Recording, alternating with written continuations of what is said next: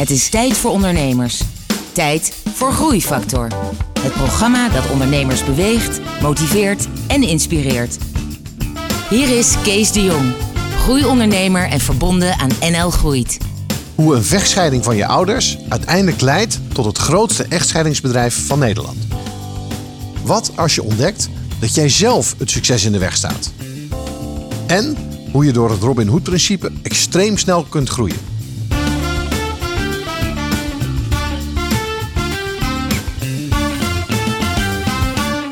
Welkom bij Groeifactor. Vandaag spreek ik met Sander de Loo van Zorgeloos. Sander, welkom. Dank je. Uh, zou je voor de luisteraars uh, heel kort kunnen uitleggen wat Zorgeloos is, jouw bedrijf? Zorgeloos is een uh, bedrijf gespecialiseerd in echtscheiding. Onze missie is een zorgenvrij leven voor iedereen. En wij proberen op een, op een sympathieke manier mensen op, goed aan elkaar te laten gaan met twee woonoplossingen van dien. Ja, nou, dat, dat, dat klinkt uh, duidelijk. Wat, wat hier niet uitklinkt, is dat het best wel een groot bedrijf is. Hè, jullie ja. doen uh, tegen de 20 miljoen. Je hebt 180 man in dienst. Het is echt, het is echt een uh, serieuze club. Ja, inderdaad. We hebben, we hebben een, een ruime 180, bijna 200 man rondlopen, waarvan ja. een, een ruime 40 franchise-nemers, omdat we ook nog een franchise-organisatie hebben. Ja.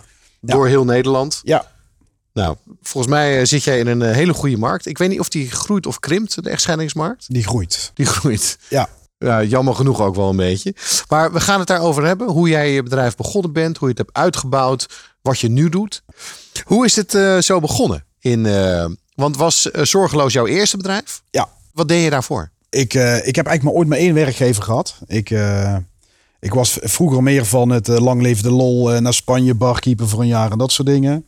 Mijn eerste baantje was bij Spaarselect. was ik callcenter medewerker. Dan kreeg je een tientje per afspraak. En uh, daar zaten studenten die uh, belden. Die maakten vier, vijf afspraken op een avond. En die verdienden goed. En was jij ook student toen? Uh, nee, nee, nee. Ik studeerde niet. Ik, heb, ik ben op zes gymnasium gestopt met school. en ik maakte op mijn tweede belavond maakte ik 34 afspraken. Dus dat was, dat was een leuk verdienen. dus ik was ook de eerste vaste bel, belmedewerker van Spaarselect.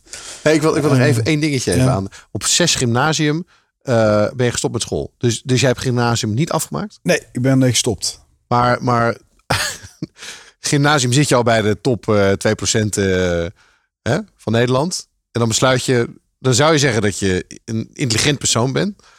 En dan maak je dat net niet af. Dus daar zit ook een verhaal achter.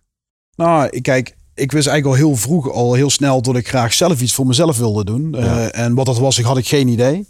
Um, en wat je in de schoolbanken meekrijgt, voor mijn gevoel was toch meer om ergens in een keurslijf te passen. Namelijk van uh, bij een werkgever om als een diploma een middel om ergens binnen te komen. Ja. En ik zag een diploma meer als iets als een hinderlijke onderbreking van mijn gang naar ondernemerschap toe. Uh, dus, dus toen ik ben gaan werken bij Spaarselect, was dat ook meer een middel om poen te genereren. Ja. Om hem een idee uit te werken. En toen wist ik op een gegeven moment dat ik de financiële dienstverlening heel graag in wilde. Oké. Okay. Uh, dat wist hey, hoe vonden je ouders dat uh, na zes jaar gymnasium? Dat je zei van nou, ik doe toch maar niet dat papiertje. Nou, kijk, ik kom uit een familie waarin uh, opleiding heel belangrijk is. mijn zus die heeft 84 jaar doorgestudeerd, zoiets. die is president van de Rijksbank Limburg. Dus je kan je voorstellen dat ik het zwarte schaap van de familie ben. Ja. zeker. Maar daar heb je ook alles voor gezorgd om dat te worden dan? Ja, ja, ja. maar ik ben, moet zeggen, ik, ben, ik, ik schaam me daar niet voor. Ik ben ook niet per se trots op. Alleen ik heb gewoon wel mijn eigen, mijn eigen weg bewandeld. eh. Het voelt alsof jij toen al wist dat het niet uit zou maken wat jij zou doen, maar je zou er succesvol in worden.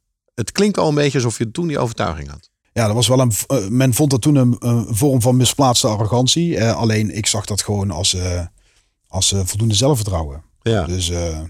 En dat werd alleen maar gevoed doordat jij de eerste avond 34 afspraken wist te maken. Ja, ja, ja, ja. ja. Dat, ik heb daar echt serieus met van uh, zes tot negen bellen, drie avondjes in de week, uh, heb ik prima verdiend. Wat was toen de stap? Nou, ik moet zeggen, ik heb, er, ik, ik, ik heb gejokt. Want ik heb dan twee werkgevers gehad. Want dit vond ik meer een bijverdienste. Ja. Ik ben toen een post-HBO-traineeship voor financieel adviseur gaan volgen via Randstad. Uh, die heb ik uh, via de Weltegroep, die heb ik volbracht. Uh, dus ik had indirect toch een stukje diploma. Alleen toen moest ik nog drie jaar gedetacheerd worden overal. Wilden ze drie jaar aan je verdienen? Precies, ja. uh, terugverdienmodel. En uh, ja, ik was toen toch een beetje stout. Dus toen zeiden ze me na drie maanden van we willen niet met je verder gaan. Ja, dat was briljant. Dus ik had wel een diploma op zak en geen terugverdienregeling meer. Uh, en toen ben ik in Venray terechtgekomen bij mijn enige echte werkgever ooit. Ja. Dat was een inkooporganisatie op het gebied van hypotheken.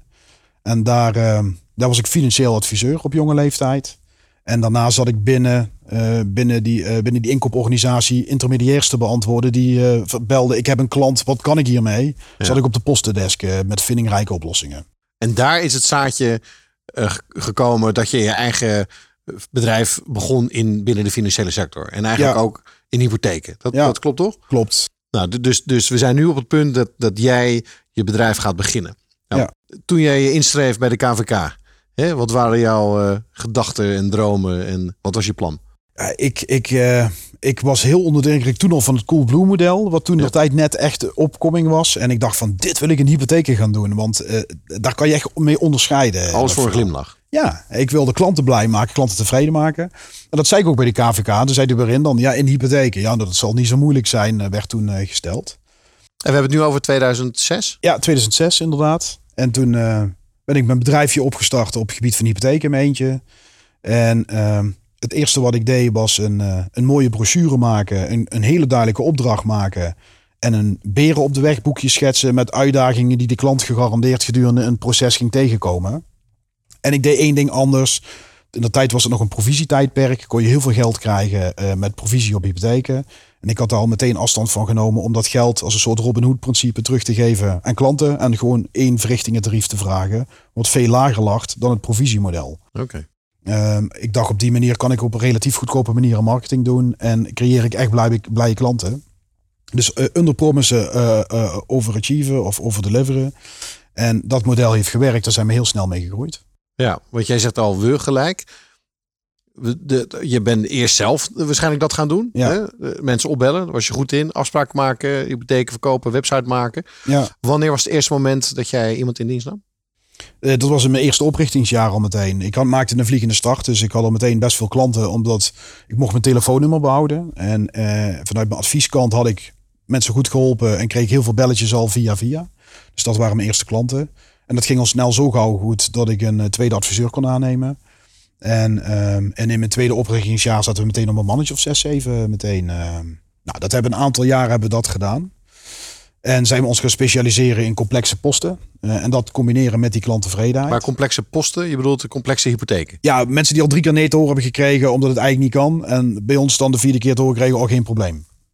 Kijk, uh, mijn rode draad door mijn hele leven is onrecht. Daar ben ik ook vaak door in de problemen gekomen. Dan komt dan op. Ik nam het vroeger op voor de jongetjes die gepest werden in mijn klas. Okay. Uh, en als je kijkt bij uh, mensen die drie keer hebben gekregen, dat zijn de mensen die het toch meestal het hardste nodig hebben. Ja. Uh, mensen met een BKR-probleem, mensen met schuldenproblematiek. Ja. Dus als je in die niche je, je, je kennis kan vercommercialiseren, tuurlijk zit er wel een commercieel model aan. Dat is namelijk het model van van geen commerciële drempel. Ja. Want als je namelijk een ja kan zeggen in het eerste gesprek, omdat je je kennis kan vercommercialiseren, ja. heb je commitment. Dus als er al een commercieel model achter zit, is het simpele commitment krijgen, omdat je goede kennis kan vercommercialiseren. Ja. Maar dat zat niet zozeer gerelateerd aan omzet of een poen. Het zat hem gewoon erin aan, um, aan mensen op een goede manier helpen en daar op een slimme manier ook nog wel geld in kunnen verdienen dan. Ja, maar uh, in het eerste jaar uh, of in het tweede jaar van de operatie had je zes, zeven man. Mm. En uh, hoe, hoe, ging het toen? Hoe, hoe hard ben je gaan groeien daarna? Wat, wat zat daar... Uh... Ja, in het begin merk je dat eigenlijk alles vanzelf gaat. Dus je, je, eigenlijk doe je maar wat, want je hebt geen referentiekader. Nee. Dus dat is prima. op een gegeven moment begon het wel te knagen. Want buiten een binnendienstwerker op de hypotheek... merkte je dat je behoefte ging krijgen aan een soort stafafdeling-achtig iets. Ja. Dan moest je gaan kiezen tussen iets of op marketing. Nou, bij ons ging de business redelijk vanzelf. Dus dat zat dan bij ons toch wel in, uh, in HR eigenlijk. Dus we hadden Ja. iemand die, uh, die de contracten eens een keer netjes ging doen in plaats van twee A4'tjes. Uh, en dat komt ook omdat je er schade aan schande wijs wordt. Je, iemand heeft vier weken, vier maanden niks bij gedaan, maar je moet wel vakantiegeld en vakantiedagen mee uitbetalen, terwijl die bewijzen van uh, 40 uur per week even op een PlayStation het huis. Ja. Dus een HR-afdeling vonden we wel prettig, dus die hebben we opgericht. Ik wil nog even terugkijken naar de eerste jaren, naar die hele snelle groei. Uh, waarbij die, die lastige hypotheek uh. Hoe kijk je daarop terug? Waar het gaat op, op mensen en op je eigen uh, functioneren. Want je had nog daarvoor nooit een bedrijf geleid. Hoe, Ja. hoe beviel het om een bedrijf te leiden? Ja, ik voor mijn gevoel was het in die jaren niet echt een bedrijf leiden. Want eigenlijk als je achteraf kijkt, deed je eigenlijk maar wat. Uh, we deden dat wel op een hele uh, energieke manier. En, uh, en we waren er ook heel gepassioneerd in. Ja. Maar eh, als ik nu terugkijk, er was geen personeelsbeleid. Eh, ik maakte de lonen s'avonds met internetbankier even snel over. Ik zie me nog zitten daar. Ehm, ja, eh, je, eh, we hadden nog net een tankpas, maar je moest je eigen auto inze- eh, inzetten. Ga zo maar door. Ja, als ik dat vertaal met nu, is dat wel een groot verschil. Ehm, eh, wat, je, wat je eigenlijk ziet is dat ehm, je hadden het over doorstuderen gehad. Misschien dat het doorstuderen me misschien wat meer gebracht had. Om wat meer al vanaf dag één een steviger fundament neer te leggen onder, Ja. eh, onder je eigen bedrijf. Want wat zou je tegen jezelf zeggen? Zeg maar nu. Zeg maar, je kan Ja. even terug. Je kan jezelf advies geven nu. Ja. 2007, 2008. Welk advies zou je dan nu geven? Ehm, ja, toch nog beter nadenken over de interne processen. En, en die gewoon al vanaf dag één gewoon goed neerzetten. Ja. Het scheelt je achteraf gewoon een hele hoop werk namelijk. Ja. Ja, dat hoor je wel vaker. Dat, eh, van, eh, voor het gaan schalen moet je het eerst heel goed hebben uitgedacht. En dat maakt het schalen zo moeilijker. Want ook als je Ja. meer mensen hebt rondlopen. Als je dan dingen wil gaan veranderen, dan, dan lopen dingen de soep in. Zijn er wel eens dingen de soep ingelopen? Ja, bij ons is het eigenlijk één grote aaneenschakeling van dingen die in de soep lopen eigenlijk. Eh, eh, dus dat wil niet zeggen... Kijk, er gaat onwijs veel goed hoor. Maar Ja. misschien is het interessanter om over de dingen te hebben die niet goed gaan, eh, denk ik. Ja, eigenlijk alles. Grote IT-projecten. Je wil een CRM-pakket en je laat je iets beloven tot het binnen een half jaar goed is. Nou, het begint al, de, de vastlopen begint al bij een migratie van systeem A naar systeem B. De workflows lopen helemaal niet. De facturatie gebeurt helemaal niet automatisch. En voor je het weet, ben je een half jaar verder.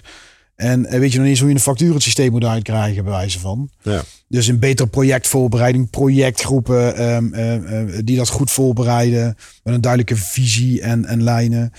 Ehm, ja, da- daar kan altijd wel een stukje beter gekund. eh. Ja, maar het is eigenlijk een wonder dat je nog bestaat.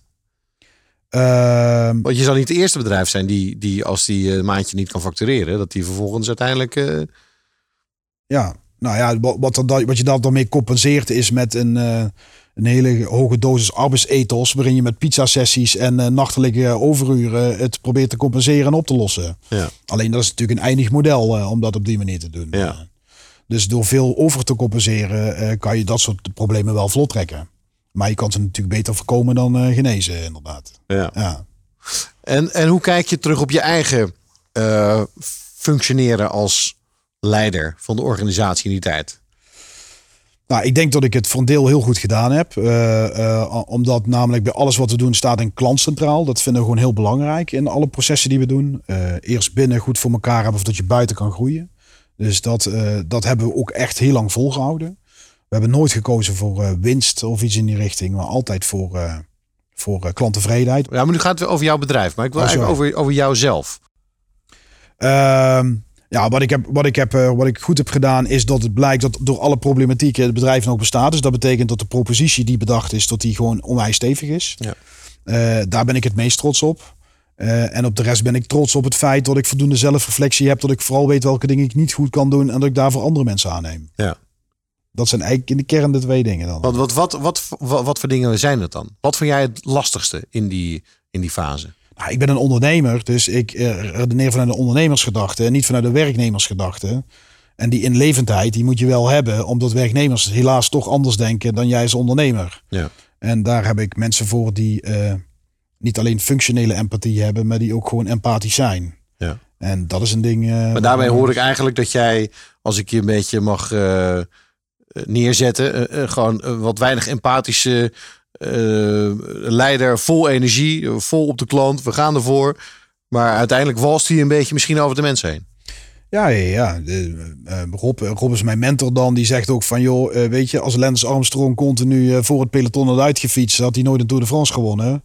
Ja. En eh, ja, dat ben ik een beetje diegene die eh, voor Ja. het peloton uitfietst. Ja. Hey, en Rob is jouw mentor, noem die even terloops. Ja, Eh, hoe, wanneer heb je die... eh, in mijn samenwerking Gevonden? met ING. Eh, hij, eh, eh, Rob was eh, directeur hypotheken ING Nederland.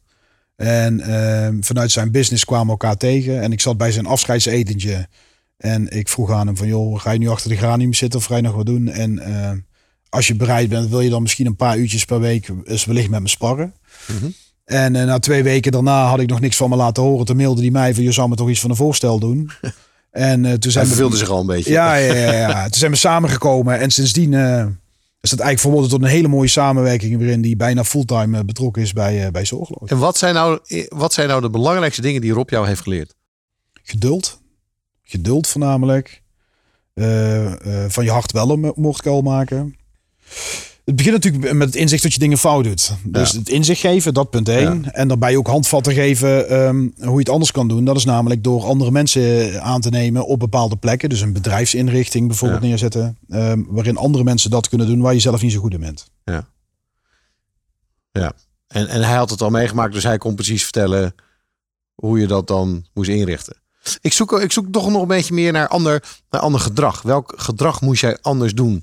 Nou, kijk, je hebt, wij, wij, wij, noemen dat met onze woorden altijd vorm en inhoud. En mhm. ik ben een echte inhoudsman. En over de as van inhoud zal ik wellicht altijd gelijk hebben over de propositie. Maar je ook mhm. nog iets als vorm. Ja. Rob zei altijd, ik zat eh, bij de ING, was ik directeur hypotheek. Ik wist net aan hoe ik het woord hypotheken moest spellen. En daar hield het verder mee op. Dus was ik goed erin om, om andere slimme mensen in hun kracht te zetten. Hij was vooral van de vorm dus. Juist. En uh, nou ja, eigenlijk alles op het gebied van vorm heb ik uh, van Rob geleerd. Uh. Oké, en dan vorm is dan hoe je, hoe je mensen inspireert of hoe je mensen uitdaagt om een probleem op te lossen. Kan je daar een concreet voorbeeld van geven? Ehm, ja, dat is door mensen bijvoorbeeld niet al het probleem en de oplossing mee te geven en hoe ze het daarna ook nog met een vindingrijk ding het nog beter kunnen doen. Uh, want daarmee los je misschien dat geïsoleerde probleem al op. Maar bij het volgende probleem uh, heb je hetzelfde probleem. Ja. Uh, dus voornamelijk door mensen zelf in staat te zijn om na te denken. Die beslisbomen mee te nemen. Waardoor mensen op termijn is het geen quick win wat je realiseert. Maar je realiseert er een duurzame win mee ja. uiteindelijk. Ja, want uiteindelijk wordt het bedrijf slecht in waar de leider goed in is. Dus als jij steeds het, slimste jongetje van de klas ben met de juiste inhoud en oplossing, dan gaat niemand meer een oplossing verzinnen. Nee, mensen gaan achteroverleunen en die gaan toch kijken van, eh, nou ja, zonder lost het wel op. Ja. En dat is niet bewust, dat is misschien onbewust zo. Ja, en als je dus snel groeit uh, en veel uitdagingen hebt, wordt dat een beetje een lastig verhaal om dat allemaal zelf te moeten doen. Groeifactor is een initiatief van MKB Brandstof.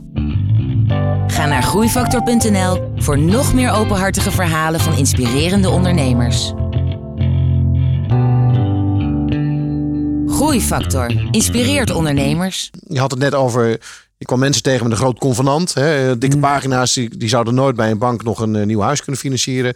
En, en dat leidde uiteindelijk tot we willen een, een totale echtscheidingsprocedure helemaal faciliteren, inclusief mediation en oplossingen en noem maar op. Mm. Hoe heb je dat in het begin? Uh, wat, wat was de zaak of het moment dat je dacht: dit wordt hem? Um, dat is eigenlijk het besef dat hoe de, hoe de huidige stromingen liepen bij scheiden, totdat eigenlijk uh, een seriële schakel van uh, evenementen waren achter elkaar. Dus de advocaat hield zich met A bezig, uh, een rechtbank met B, een, een, een, een bank die aan slag moet geven met C. en, en dat blijken 14 loketten te zijn. En dat is gewoon een enorm regelwoud. Er vindt geen afstemming plaats tussen die 14 loketten. En wat je dus merkt is dat scheiden als je dit vanuit een klantreis vertaalt, gewoon een gedrocht van een klant, klantreis is. Ja. De klant is een leek. Voor de duidelijkheid, je hebt zelf nooit gescheiden. Nee, ik heb wel, uh, wel ervaringskundige met mijn ouders. Die hebben vier jaar lang in een vechtscheiding gezeten. Ah. En dat is wel een van de, de drijvende dingen achter, uh, achter dit verhaal. Ja. Um, nou, dat is denk ik zeker een van de drijvende dingen achter dit verhaal. Ja, ja, ja. Dus ik heb echt van mijn achtste tot mijn twaalfde een hele mooie vechtscheiding van dichtbij mogen meemaken. Oh, dat is gelukkig niet uh, de situatie waarin je gevoelig bent als kind. Oh, nee, nee, klopt. ja, ja. De vier uh, psychotherapie sessie jaren verder uh, is dat wel uh, opgelost. Maar ja, inderdaad heb ik flink last van gehad, inderdaad. Maar dit is, maar heeft dat dan ook uiteindelijk jouw rebellie op school? Hè, die zesde klas. Dat jij dacht, joh, bekijk het maar. Want ik, ben, ik vind mezelf slim genoeg. Ik doe het zelf wel. Dat heeft haar ja, ik ben geen psycholoog, maar.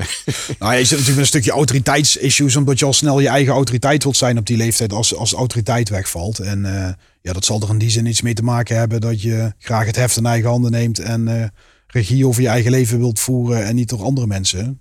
Maar, maar voelde jij dan bij de eerste keer dat jij in je bedrijf begon uh, met die hypotheken, dat dat echtscheiding ding er al waarschijnlijk aan zat te komen? Of was het gewoon een happy accident dat, dat jouw ding uit je jeugd wat je wilde oplossen en, uh, en je bedrijfsmodel opeens bij elkaar kwamen. Met andere woorden, was het een vooropgezet plan of was het toen een epiphany, een openbaring? Oké, dit moet ik doen. Uh, ja en nee. Nee, het is geen vooropgezet plan. Want dat is mooi omdat nu van achteraf zo'n mooie pitch zijn natuurlijk. Maar dat is niet zo. Maar het is wel reden waarom het zo'n succes is volgens mij. Nou, wat wel is, is die complexe posten. Daar staan natuurlijk wel scheiden bij. Dus wij, wij deden natuurlijk wel heel veel scheidingen. Alleen uh, eigenlijk net zo stom als eigenlijk alle andere uh, bedrijven op dit moment dat in Nederland doen. Mhm. Met de openbaring op die twee dossiers op een gegeven moment van wow, dat is het. Dat maakte het, het, ehm, het, het verhaal anders eigenlijk. En ehm, ja, wij zijn toen vanuit die constatering zijn we gaan tekenen. Ik zie nog de rollen meter papier aan alle glazen wanden zie ik nog hangen van waar zit de clue, hoe kunnen we het oplossen? En, en daar hadden we op een gegeven moment een mooi uh, idee van. En dat was dat wij vonden dat er eigenlijk gewoon één persoon ontbrak aan tafel eigenlijk. Kijk, in Nederland kan je op twee manieren scheiden. Dus via een vechtscheiding, eh, allebei een eigen advocaat. En uh, anderhalf, twee jaar later is je bankrekening leeg. En uh, kom je ook ergens in het midden uit. Ja. En de tweede manier is de overlegscheiding, waarin je samen aan één tafel zit. Met behulp van een scheidingsbemiddelaar ofwel een eh, mediator. En dat waren de twee manieren. En alle beide manieren valt wat voor te zeggen. Misschien nog wel meer voor die mediatorkant. Alleen die mediator heeft gewoon geen kaas gegeten van, eh, van beheerbeleid en acceptatiebeleid van een geldverstrekker. Geen idee. Maar dat probleem hebben jullie dus opgelost. Ja, Door als een soort regisseur op te gaan treden binnen dat proces. Ja. Het is- het is een complex geheel van meerdere dingen. Maar inderdaad, wij, voor, wij fungeren als een regiefunctie binnen die eh, 14 loketten. Die hebben wij gebundeld in één klantreis. En wij voeren regie over de Ja. 14 loketten. Ja. En het tweede ding wat wij garanderen is dat de, wij de woonoplossing voor beide partijen garanderen. Ja. Dus je, je zorgt dat ze allebei een, een huis en een hypotheek kunnen krijgen. Ja, dus dat de afspraken die in het convenant staan ook Ja. uitgevoerd kunnen worden. Hey, en dat, dat concept heb je zo ontwikkeld. En, en dat sloeg aan. Hè, je bent niet voor niks nu eh, eh, de grootste in Nederland. Hoe, hoe heb je dat zo hard kunnen laten groeien? Ehm, nou, in, in het beginsel blijkt toch het klanttevredenheidsprincipe wat we hadden. Dat blijkt ook op scheiden aan te slaan tot toch via via. Want eh, scheiden is een impactvol moment. Dus daar praat je over met Mhm. mensen. En dan merk je toch dat als je naam valt, dat je dan vanuit daaruit nieuwe klanten ook krijgt. Alleen dat, dat is niet de snelle groei. Ehm, de snelle groei is dat ik overtuigd was van onze propositie. En ik op een blauwe maandag bij eh, ING naar het hoofdkantoor gegaan ben. En daar mijn pitch heb gedaan van dit is wat we bedacht hebben. Daar los je dit en dit probleem mee op. En eh, volgens mij hebben jullie dat probleem ook. En ING was dat gelukkig volledig met ons eens. En die hebben besloten om met ons een eh, landelijk partnership aan te gaan. Oké. Dus vervolgens alle zaken die de ING had, die kwamen automatisch bij jou. En daardoor heb je zo die groei kunnen meemaken. Ja, kijk, het, eh, als ING achteraan een scheidenproces zit, dan eh, maak je dus alle problematieken mee die ING voor een deel Ja. moet oplossen. Of degene is die in de klant nee moet verkopen, dus dat straalt op een bank af. Dat is niet leuk. Dus eh, wij hebben gewoon heel duidelijk gemaakt, dus ING zorgt dat we in de voorfase betrokken kunnen worden. Dan zitten hun in de eindfase Ja. met een tevreden klant. Ik wil even naar de fast forward, naar het moment eh, in 2017, of misschien wel 2016, waarin voor jou steeds meer duidelijk werd dat je een jaartje eruit moest. Welke signalen waren daar in het begin dat je dacht dat je erover ging nadenken? Ehm, ehm, nou ja, wat je, wat je ziet is dat je vanuit, het, vanuit de achteruitkijkspiegel heel veel eh, besluiten maakt. eh, waarvan achteraf blijkt dat ze maar half goed waren. Waarin je toch blijkt dat je te weinig kennis van zaken hebt om voor de lange termijn een goede keuze te kunnen maken. Het waren veelal ad hoc besluiten. Die haalden de pijn er wel vanaf, maar eh, op termijn komt die pijn weer naar boven. Dus het waren geen duurzame, goede oplossingen, slimme oplossingen. En eh, En hoe wist je dan dat die besluiten niet goed waren? Was dat je eigen analyse? Of was dat omdat je intern tegendruk kreeg en zeiden van ja, eh, Sander, hè, dat moeten we niet doen? Of dat, hoe, hoe zat dat? Nou, misschien wel beide. Kijk, ehm, ehm, je, besluit een bepaald profiel. eh, eh, je, je schrijft een profiel van een adviseur die je wilt aannemen. eh, omdat je op dat moment 15 man gaat werven. En van die 15 man zijn er een jaar later nog maar drie over. Ehm, ja, dan is het misschien toch handig om met een Big Five test eh, eens te gaan analyseren. En een goed Ja. profiel samen te stellen. Ja. En dan, Big Five is, is eh, psychologische test. Hè? Dat is eh, de basis uitgangspunt van Jong, maar dat is Ja. een ander gesprek. Maar dat was dan in, in toen 2016 dat je begon te denken, oké, maar misschien ben ik niet meer de juiste persoon eh, op deze plek. Ja, eens. En er speelden natuurlijk ook wel wat externe dingen. We, wij ehm, we hadden een grote groeifinanciering aangevraagd. 5 miljoen die we zouden krijgen. En eh, daarmee zouden we eh, de volgende groeistap maken. Nou, we, eigenlijk hebben die hele groeistap wel gemaakt. Alleen zonder die 5 miljoen, want het fonds was leeg. Ja. Dus uh, na, na akkoord. Dus dat was wel een pijnlijke. Dat hebben we uiteindelijk wel opgelost, maar wel pas een, bijna een jaar later. Mhm. Dus we hebben een jaar uh, budget hebben gedaan zonder die 5 miljoen. Dus dat was wel een pijnlijke. Maar, maar, dan, maar dan nog steeds snap ik niet hoe je dan de, de toekomt om te zeggen, nou misschien moet ik er gewoon uit voor een jaar. Nou ja, het- kijk, ehm, eh, wat weg is, is weg uit de operatie. Dat is het belangrijkste. Ja. En ehm, kijk, tuurlijk ben ik nog betrokken bij mijn MT. De- ik eh, zit gewoon bij de ronde tafelsessies. eh Ja. Zit er gewoon bij. Ik krijg gewoon via uh, ClickSense krijg ik mijn dashboards. Dus ik heb het Ja. inzicht. Ik eh, eh, ben nog steeds het boekbeeld van de organisatie. Externe betrekkingen doe ik nog steeds voor een stuk. Ja. Ik ben betrokken bij innovatieve projecten. Want we hebben een. Ah, eh, dus, dus het is niet zo dat ik eh, de lijn volledig doorsnij. Ah, wat ik de lijn volledig doorsnij, is zit hem voornamelijk op eh, de operatie. Daar moet ik echt gewoon weg. Laten we is, is focus op de dingen waar je trots op bent.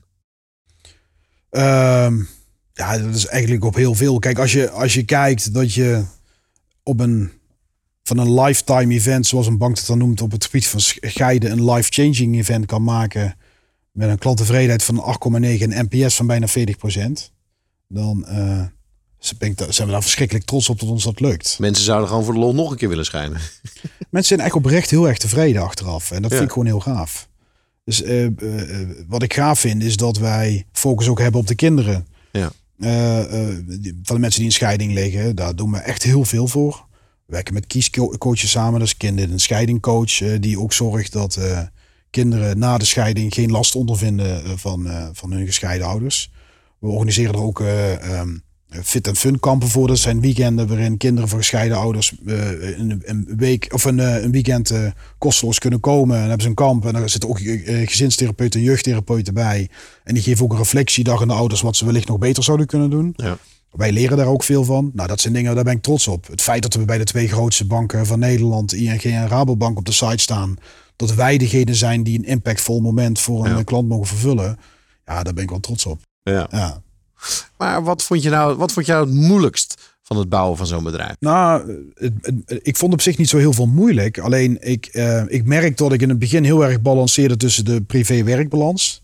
En op een gegeven moment heb ik gewoon een keuze gemaakt voor, eh, voor, dat, voor die zaak. Ja. En je merkt gewoon dat je acht jaar later bent, eh, acht jaar verder bent. En dat je gewoon zakelijk heel veel dingen hebt meegemaakt, maar privé heel veel gemist hebt. Ja. Maar weet je, dat zijn wel dingen die knagen, weet je. Er is meer in het leven dan alleen eh EBITDA en, eh, Ja. en klanten en dat soort dingen. Je hebt ook een eigen leven. Ja. En, eh, Maar dus de zaak heeft je je huwelijk gekost. Ja. Zaak heeft me mijn huwelijk gekost. De zaak heeft me toch wel een deel van mijn vrienden gekost. Ja. Op zich jij werkt gewoon 80 uur per week. Ja, ja, en nog wel meer. Ja. Dus, en, dat, en, en dat, ja, als je vrienden nooit ziet, dan kost dat je vrienden. Was dat, zat dat daarachter? Of was het ook een beetje dat de levens te ver uit elkaar zijn gegroeid? Nou ja, nou, nou, nee, nee, nee, totaal niet. Want mijn beste maat die ik nu heb, die is timmerman eh, van beroep. En dat vind ik, eh, vind ik top. Eh, Ja. gouden kerel. Nee, maar volgens mij is de mate van succes die je hebt en waar je ervan ook kan genieten. Mhm. Die is volgens mij wel heel erg belangrijk om ook succes te kunnen ervaren. Weet je, je kan op een gegeven moment een mooie bankrekening hebben, maar als je dan in je eentje in de kroeg zit, heb je er ook vrij weinig aan, denk Ja. ik. Eh, Dus dan word je een beetje zo'n loser eh, eigenlijk. En, eh, En dat leidde dan ook weer tot, tot besluit, ik wil meer de balans naar privé. Hè? Vrienden, gezin, noem maar op. ja, en dan telt het zeker mee dat je ook zakelijk gezien eh, ehm, op bepaalde dingen heel goed bent, op andere dingen niet. En laat je nou net met die dingen waar je niet goed bent heel veel tijd mee kwijt zijn. Ja, Ja. dan wordt het een hele makkelijke keuze op een gegeven moment. Ja. We lopen aan het eind eh, van het gesprek en dan proberen we een aantal ondernemers inzichten, lessen op een rijtje te zetten. Mhm. Nou, jij, jij hebt er meer dan voldoende. Zou je een, een aantal kunnen noemen? Ehm, veel van de dingen die je als ondernemer meemaakt en die misgaan in een bedrijf, die worden door bijna heel veel andere bedrijven ook ervaren. En daar blijkt ook vaak methodieken voor te bestaan om die problemen voor te zijn of al op te lossen. Dus ga niet zelf alleen maar de oplossing in, maar ook eens rondom je heen kijken wat voor oplossingsmogelijkheden er allemaal zijn. Ja. Die staan gewoon in boeken en die worden in de praktijk toegepast. Ja. Daar ben ik heel blij mee dat je, dat je dit zegt, want het is ook mijn ervaring geweest. Mhm. De eerste tien jaar van mijn ondernemersleven dacht ik ook allemaal dat het ons overkwam. En Ja. dat het overkomt iedere ondernemer. Ja. Mooi. Ja. Inzicht nummer twee. Ehm, ja, zorg toch altijd dat je voldoende financieel inzicht richting de toekomst hebt. En borg dat financiële inzicht door op voorhand uh, je financiën gewoon goed voor elkaar te hebben. Voldoende werkkapitaal. Ja, dus jij kan ook zeg maar uh, twee maanden de toekomst inkijken in plaats van alleen maar terugkijken. Eens. Ja, Wij, en met de, de bevindingen uit het verleden kunnen we steeds beter begroten en plotten in de toekomst. Met maandafsluiting en analyses ja. erop. Zodat je eigenlijk gewoon je begroting voor 2018, ja, die wijkt misschien op 4% eh, nog af. Ja. Dus dat geeft ook wel comfort. En dan nummer 1. En dan hoop ik dat die iets met jezelf te maken heeft. Met, eh, met jouw rol als leider. Ja, kijk, als je, als je in ieder geval in een, een snel groeiend bedrijf bent en je wordt groter. Dan, heb je, dan is het de kunst om de juiste mensen rondom je heen te verzamelen. En um, je, je moet het vooral samen doen en, uh, en vooral niet alleen willen doen. Want dan gaat het je zeker niet lukken. Nee, nee ja, klopt. Dus je moet het samen doen. Dus dat is een goed inzicht, oké. Ja. Maar iedereen weet het wel. Maar wat, hoe zorg je ervan dat je dat op een juiste manier samen doet? Um, nou ja, um, um, Kijk, ik wil geen reclame maken, maar ik, ik moet zeggen dat ik toen de tijd echt onwijs veel gehad heb aan NL Groeit. Uh, waar ik toen geweest ben. Mm -hmm. uh, daar zaten we achteraf, zaten we daar in zo'n uh, zo'n ronde tafelsessie. Zaten ja. we daar met gelijkgestemde ondernemers. En wat ik daar heel veel aan gehad heb, is dat je andere mensen oplossingen hoort aandragen en dingen hoort suggereren waar je zelf nog niet eens over hebt nagedacht. Ja. Dus je blikveld openzetten en um, en, uh, en bij de juiste mensen terechtkomen wie je hulp kan vragen. Dat vind ik zelf wel een uh, achteraf gezien een hele goede. Bij mij was die niet gepland, dus dat per ongeluk zo gegaan. Ja. Maar ik ben er achteraf wel heel erg blij mee dat dat zo uh, gekomen ja. is. We Misschien nog nou, steeds we, een rot antwoord voor. Nee, nee ik vond het, ik, het, is, het is een mooie plug. Je weet, ik zit hier ook vanuit NL Groeit, dus ik ben blij. We hebben het niet afgesproken, maar nee. um, inderdaad, zoek andere ondernemers op en probeer daar ja. zoveel mogelijk van te leren. Omdat je niet, uh, je moet wel je eigen fouten maken. Maar als je gelijk snapt waarom die fout is en wat uh, de oplossingsrichting is, dan, uh, dan heeft iedereen daar wat aan. Ja. Um, Sander, um, je bent erg gedreven ondernemer. En ik, ik, ik, ik vind het mooi dat we het link hebben kunnen leggen tussen zeg maar, de grootste echtscheidingsoplossing uh, aanbieder in Nederland. Uh, die zelf nu in een scheiding zit, wiens ouders ook gescheiden zijn. Uh, uiteindelijk blijk, blijken de drivers van succes toch misschien wel heel voor de hand liggend te zijn. Sander, ik wil je enorm bedanken. Je hebt een mooi bedrijf neergelegd, een voorbeeldbedrijf. En ik wens je heel veel bezinning tijdens jouw nou ja, tussen haakjes sabbaticaljaar waar je nu in zit. Mm. En volgens mij heb je een aantal mooie tips gegeven waar andere ondernemers iets mee kunnen. Ja, oké. Okay. Dankjewel voor dit gesprek. Oké. Okay. En voor de luisteraars, je luisterde naar, uh, naar Groeifactor. Uh, graag tot de volgende uitzending. Groeifactor is een initiatief van MKB Brandstof. Ga naar groeifactor.nl voor nog meer inspirerende verhalen van mede-ondernemers. Groeifactor beweegt ondernemers.